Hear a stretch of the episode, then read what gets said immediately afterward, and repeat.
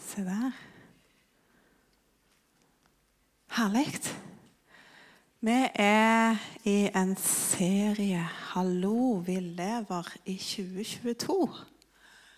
Um, og jeg tenker jo at uh, bare den tittelen den vekker helt sikkert veldig forskjellige følelser og tanker i dere. Så nå skal du få starte med å snu deg til sidemannen eller noen i nærheten og si to ting som du tenker på når du hører den tittelen. Vi lever i 2022. Hva er det for deg?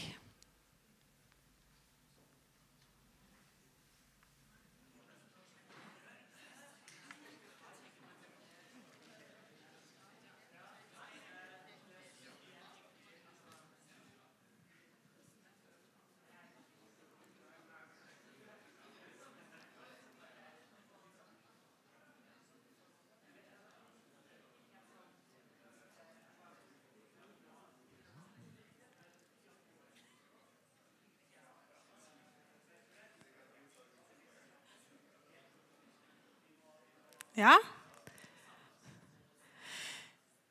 Eh, når jeg skulle forberede meg, så kjente jeg òg at det var veldig mange ting jeg tenkte på. Eh, og som en, som en liksom innledning i dag starter vi liksom helt der ute. Og så spisser vi oss inn. For det at det, når jeg satt og holdt på med dette, så tenkte jeg ok, 2022, hva betyr det? At det vi lever i 2022, hva er spesielt med det? Ok, Jeg er et år eldre enn jeg var i fjor. Greit nok. Den er obvious. Eh, verden beveger seg jo på et vis framover, sier de. På godt og vondt, tenker jeg. På godt så er vi liksom på, på sett og vis ute av en pandemi. Selv om korona fortsatt er en del av hverdagen. Men det styrer ikke livet vårt på samme måte som det gjorde. På kanskje ikke fullt så godt så er det nok en del familier som kjenner litt på trøkket i forhold til at det er ekstremt høye strømpriser, det er høye, høyere matvarepriser, bensinpriser. Eh, der er uro i verden. Eh, krig i Europa. Ukraina. Eh, det fører til at det på enkelte ting er litt mangel. Nå har de jo fått i stand en avtale i forhold til korn, men altså det kan skape litt matvaremangel. ikke sant? Eh, kloden vår er ikke helt vel, sier disse ekspertene. Vi ser at det der er ekstremvær, der er flom, der er hetebølger, der er massevis av branner. Der er mye som skjer, eh, og som påvirker oss på ulike vis. Og akkurat det påvirker oss er et sånt stikkord for meg. For det, det å være en del av et samfunn som går sin gang, enten det går eh, enten vi syns det går treigt eller det går ekstremt fort, så er vi under påvirkning hele tida. Og eh, som menneske så har du selvfølgelig en fri vilje. Vi har mulighet til å ta noen valg på i hva grad ting skal få lov til å påvirke oss. Men vi blir alle påvirka av noe. Og derfor så har jeg tatt utgangspunkt i denne tittelen i dag. Influenser. Og så eh, vet jeg at eh, Anders han er ekspert på sånne 2022-ting. Sånn, så hvis noen vil vite litt mer, så kan de ta en god prat med Anders etterpå. Og så får dere mitt skråblikk på influenser og 2022 først. For influenser det er jo en person som påvirker, eller som søker å påvirke. To influence, sant? Å påvirke. Men hva i all verden har det med Bibelen å gjøre? Ja, Er du tålmodig, så finner du gjerne ut etter hvert. For hva er det våre barn og ungdommer er under sterk påvirkning av, som iallfall jeg som eh, nesten dinosaur ikke var så påvirka av når jeg var 14, 15, 16? Jo, det er Internett og tilgang til informasjon overalt. Disse eh, plattformene som de er på, sosiale medier. Dinosauren Lone er fortsatt på Facebook. Eh, kanskje, noen, kanskje, noen, kanskje, jeg har noen meddinosaurer i salen her som også er på Facebook. Men eh, ungene mine sier bare rister på hodet og er helt oppgitt når jeg snakker om Facebook. For det er helt ut. Og jeg tror at når jeg da nevner type Insta og TikTok og Yodel og Snapchat og sånn, så jeg, jeg står jeg fortsatt i fare for å være egentlig litt sånn dinosaur. For dette her går så fort. Det utvikler seg. Det er så mye hele tida av ulike plattformer. Og alle disse plattformene de åpner for at enkeltpersoner i mye større grad kan være trendsettere, kan tale inn i andre sitt liv. Eh, fordi at eh, du, de, de, de, eh, får følgere, sant? Eh, så du kan for de av dere som er på Insta, så kan dere følge andre på Insta. Det betyr jo at da får dere opp alt de poster. Sant? Dette kan dere jo. sant? Og det betyr at dere kan følge med på alt de gjør. Så disse influenserne, de, de har en stor påvirkningsmulighet og en påvirkningskraft for de som følger dem. Hvis vi som følger dem, velger å la dem få lov til å påvirke oss. da, sant? Ulike merkevarer. Og produsenter har jo skjønt at her ligger det jo, her ligger det jo i grunnen ei gullgruve. For det å komme tett på på den måten Når noen kan eh, til sine følgere snakke positivt om et produkt og vise hvor bra det er osv., så, og så, videre, så skjer det noe. sant? For disse influenserne, de, eh, de på en måte så, så blir de et sånt mellomledd mellom produsenten og oss som konsumenter, eller oss som kjøper disse eller bruker disse produktene. sant? Og så er jo det som er styrken, da, er jo at, at når det er en enkeltperson som på en måte bretter ut og forteller masse, så opp, oppleves det som om en på en måte utvikler en slags relasjon til denne personen. sant? En, en får et slags tillitsforhold. Så det betyr at når jeg da har fulgt en sånn en influenser over lang tid, og denne influenseren eh, går god for noe, så tenker jeg oh, ja, men jeg ser jo at det funker for henne. Og hun har jo jeg fulgt så lenge, så jeg skjønner jo at dette må være bra. Jeg, akkurat så jeg liksom stoler på henne da. Og så stoler jeg automatisk på produktet òg. Det øker troverdigheten og verdien for produktet. Og det som er at disse, Når vi er på disse sosiale mediene, der kan vi jo gjerne kjenne oss sjøl igjen òg. Det er jo ikke akkurat, eh, jo ikke akkurat eh, skittgryta vi setter ut bilder av på Insta. Det er jo når vi har gjort det fint og pynta litt ekstra, eller når vi står på en fjelltopp og er i superform og har liksom gått en, en lang tur, eller når vi har stelt oss skikkelig fint på hår og fine sminker. Vi legger jo ut godsida. Sant? Og dermed så skapes der et bilde av vellykkethet. At det å ha disse produktene, det å eh, gjøre disse tingene, følge disse rådene som influenserne gir, det gir oss noe. Det påvirker oss, og det gir oss den vellykketheten. Kanskje kan vi lykkes å få den jobben vi vil. Kanskje kan vi ende opp med å få den kjæresten vi vil. Kanskje kan vi tjene de pengene vi vil. Kanskje kan vi klare å gå ned de siste fem kiloene som vi vil. Eller få den bikinikroppen vi vil, hvis det var viktig. Og det er så mange ting som vi, blir, vi lar oss påvirke av gjennom disse mediene. Ehm, det er òg sånn at eh, gjennom altså Disse influenserne gjerne òg kan eh, gjennom sine plattformer påvirke til og med vårt verdisett, våre holdninger, våre meninger, gjennom å, å eh, uttale og stå for å normalisere syn og holdninger som kanskje før var mer kontroversielle. Og så hører vi det så mange ganger, og vi ser det eh, skrevet, og, og, flere og flere som følger. Og så, og så, blir det på en måte Så blir vi en del av det. Vi blir sugd inn i det. Og en kan òg se at enkelte av disse til og med brukes som såkalte eksperter i media.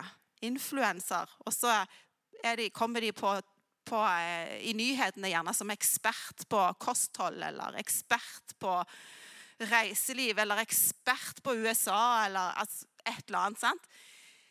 Uten noen spesiell faglig bakgrunn eller tyngde, men det er at de deler på den måten, er aktive ute og påvirker.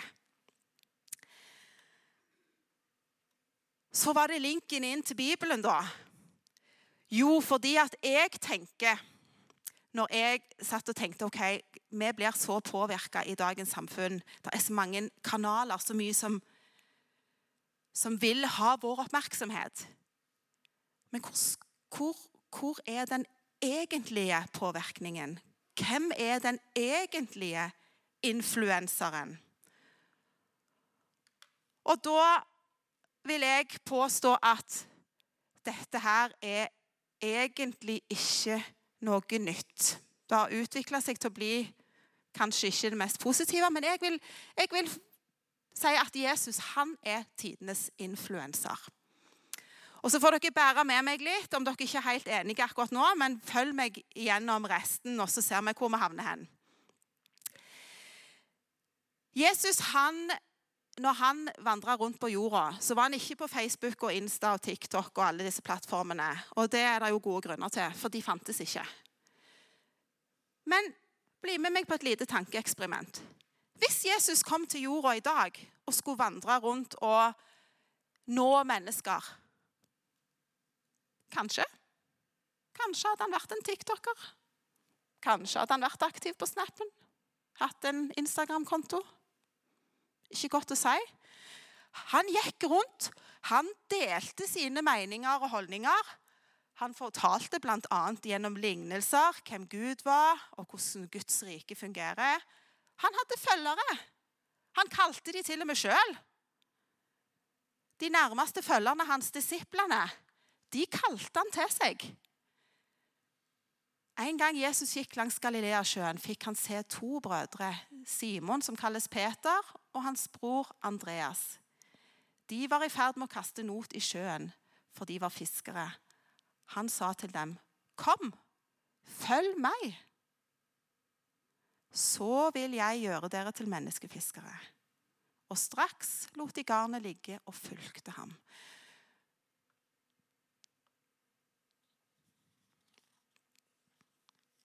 I tillegg til de aller nærmeste disiplene som Jesus hadde, så viser historien i Bibelen at Jesus hadde enda mange flere følgere. Det var mange mange mennesker. Vi leser mange plasser i Bibelen om store folkeskarer som fulgte Jesus.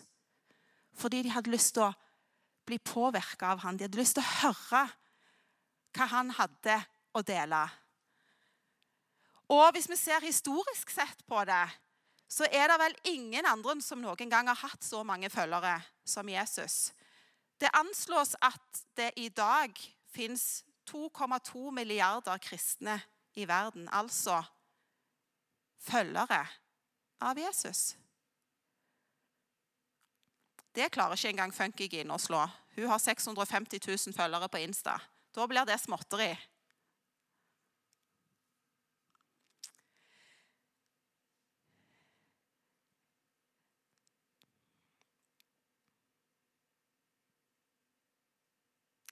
Det er jo sånn at eh, disse influenserne de, de, vil gjerne være med og påvirke vårt ytre. Men det å være en etterfølger eller en følger av tidenes influenser, av Jesus Det er litt annerledes. Jesus han er ikke ute etter å prakke på oss noen produkter og, og prøve å gjøre oss vellykka. Jesus han er ute etter følgere som har lyst på en personlig relasjon med han. Han er ute etter å gi oss noe. Han er ute etter et, tillitsforhold til hver og en av oss. Han sier om seg sjøl at han er veien, sannheten og livet. Han er vår vei, vårt mellomledd til Gud. Ingen kommer til Faderen uten ved meg, sier Jesus.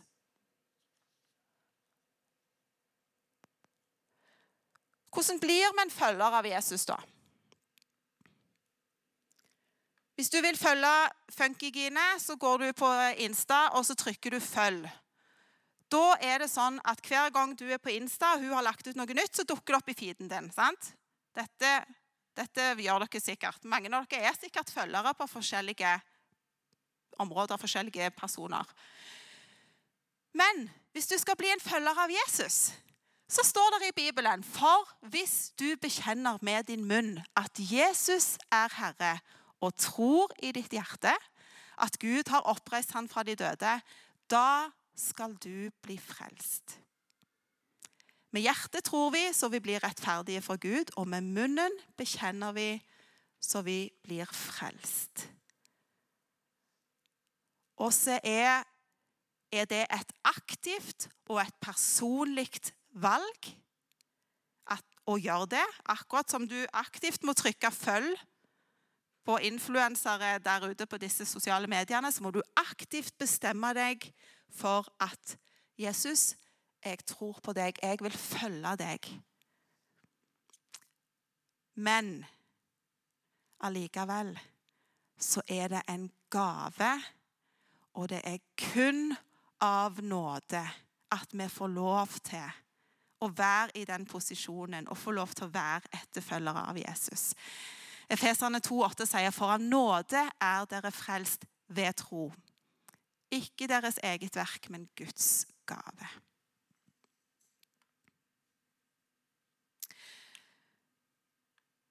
Så som jeg sa, Når du følger eh, en influenser, så får du masse gode tips til forskjellige ting. Det kan være reiseliv, det kan være kosthold, det kan være treningstips, det kan være eh, biltips, det kan være alt mulig ofte som handler om våre ytre liv.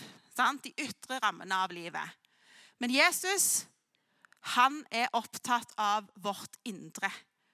Hvordan vi har det egentlig. Han sier at tyven kommer bare for å stjele, drepe og ødelegge. Men jeg har kommet for at du skal ha liv og overflod. Det er Guds fokus. Det er Jesus sitt fokus når han er i relasjon med oss. Han vil gi oss av sitt liv.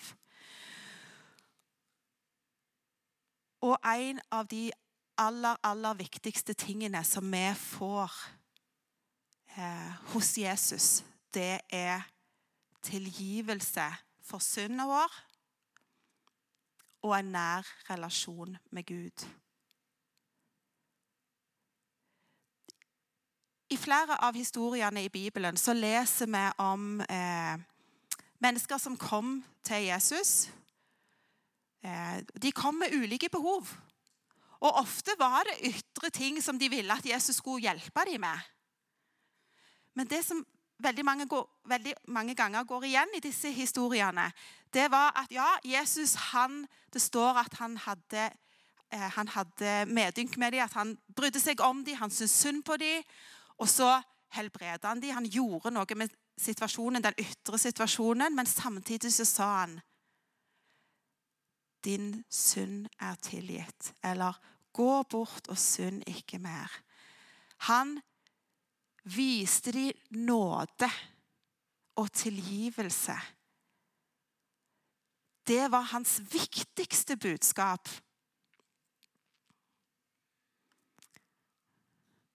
Når de valgte å ta imot den nåden og tilgivelsen, så opplevde de helbredelse og frihet. Og det tror jeg er sånn for meg og deg òg i dag.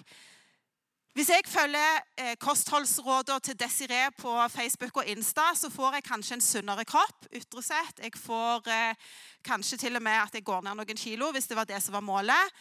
Men hvis jeg velger å følge Jesus og lese det som er i hans feed, nemlig Guds ord, så får jeg helt andre ting. Og jeg har tatt med noen ting som jeg tenker er viktig, og det gjenspeiler jo det som har vært viktig for meg. Så kan du kanskje sitte og tenke å ja, men jeg kjenner at jeg får det og jeg får det og jeg får det og jeg får det hos Gud. Så har du de lista. Så det er ikke ei uttømmende liste. Men jeg har lyst til å ta med noen av disse. Hva får jeg? Hva får vi hos Jesus? Vi kan få fred.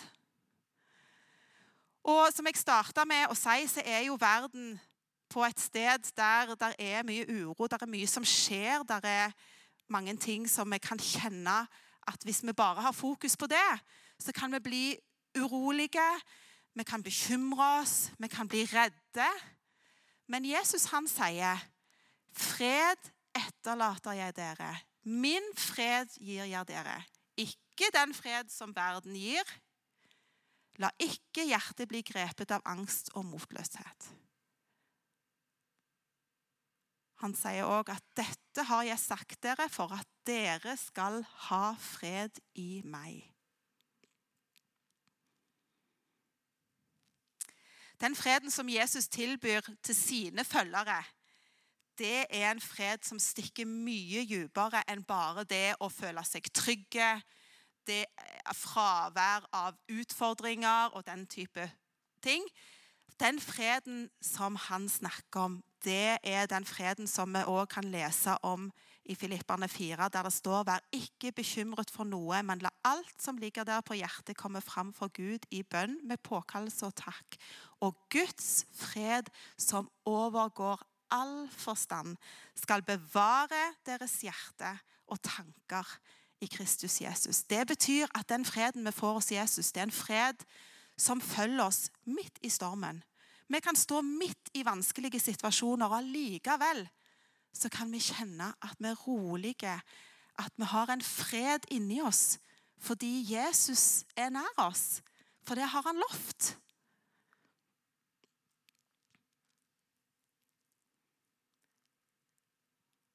Så gir Jesus oss av sin glede.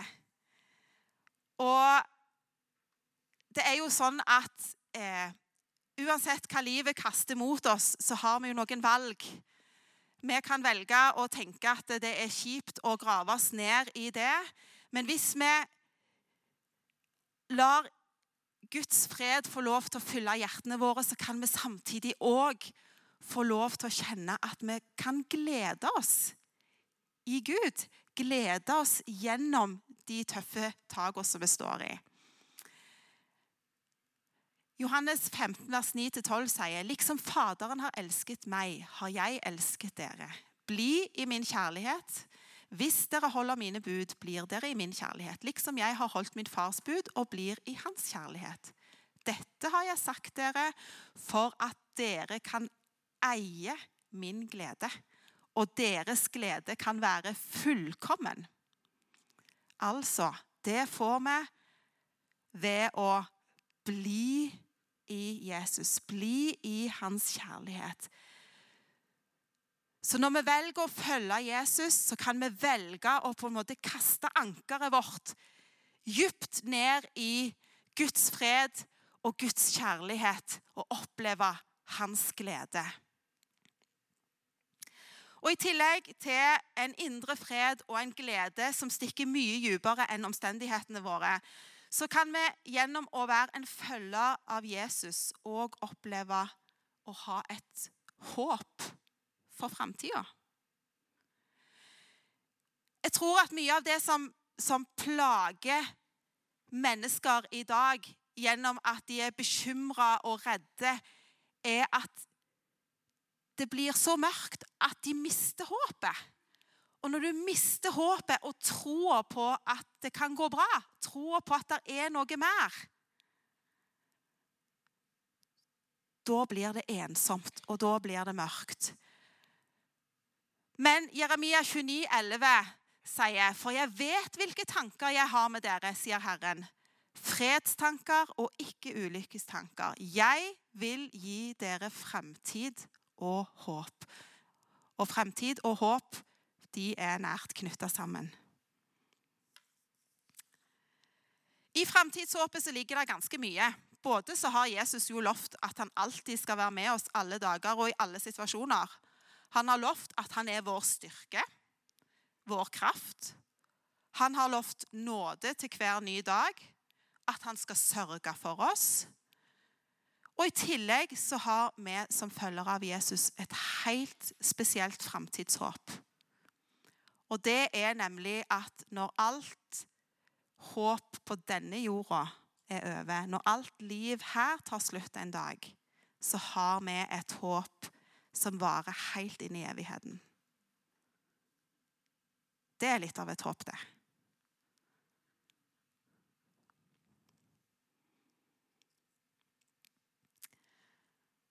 Og det jeg tror det er derfor at Paulus skriver i Romerne 12,12.: 12, Vær glade i håpet.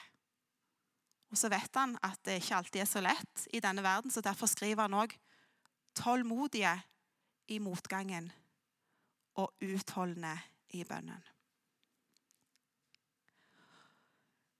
Dette er bare noen av de tingene som jeg tenker at det å være en følger av Jesus gir oss. Eller iallfall gir meg. Så håper jeg at du kjenner noen av de samme tingene. Men så tenker jo jeg at når Jesus har kalt oss til å følge seg, så kaller han oss samtidig til å være en influenser i vår verden. Til å dele budskapet om han. Så det, det som vi på en måte skal gi videre, det er det han har gitt oss. Og så er det sånn at du tenker gjerne ja, men jeg kan ikke stå der som du står nå, Lone, og tale. Nei, det er greit. Og, altså, jeg er ikke så frimodig. Jeg klarer liksom ikke å, å snakke med alle folk. Jeg klarer ikke å gå ut på byen og bare begynne å sette meg ned med noen tilfeldig og så begynne å fortelle dem om Jesus. Nei vel. Men vet du hva? Jesus han kjenner deg. Det er Gud som har skapt deg. Han vet akkurat hva gaver og utfordringer han har lagt ned i deg. Og han har en plan for hvordan han vil at du skal dele han med din verden. Så det blir ei greie med deg og Gud. Så spør Gud ok, Gud, jeg vil følge deg. Jeg vil dele deg med de rundt meg. Hvem er det i min verden som du tenker at jeg skal få lov til å være en influenser for på vegne av deg? Hvem er det jeg skal få lov til å dele deg med? Og hvordan kan jeg gjøre det på en god måte? For Jesus sa, 'Meg er gitt all makt i himmel og på jord.' 'Gå derfor ut og gjør alle folkeslag til disipler.' Så oppfordringen er gitt. Vi har alle en innbydelse fra tidenes influenser om å ta imot det han har å tilby. Tilgivelse for våre synder og et evig liv med han. En nær relasjon med han. Og så ønsker han at vi skal ta på oss jobben med å være en influenser for han ut i vår verden. Så da er det opp til deg, da, om du trykker 'følg'.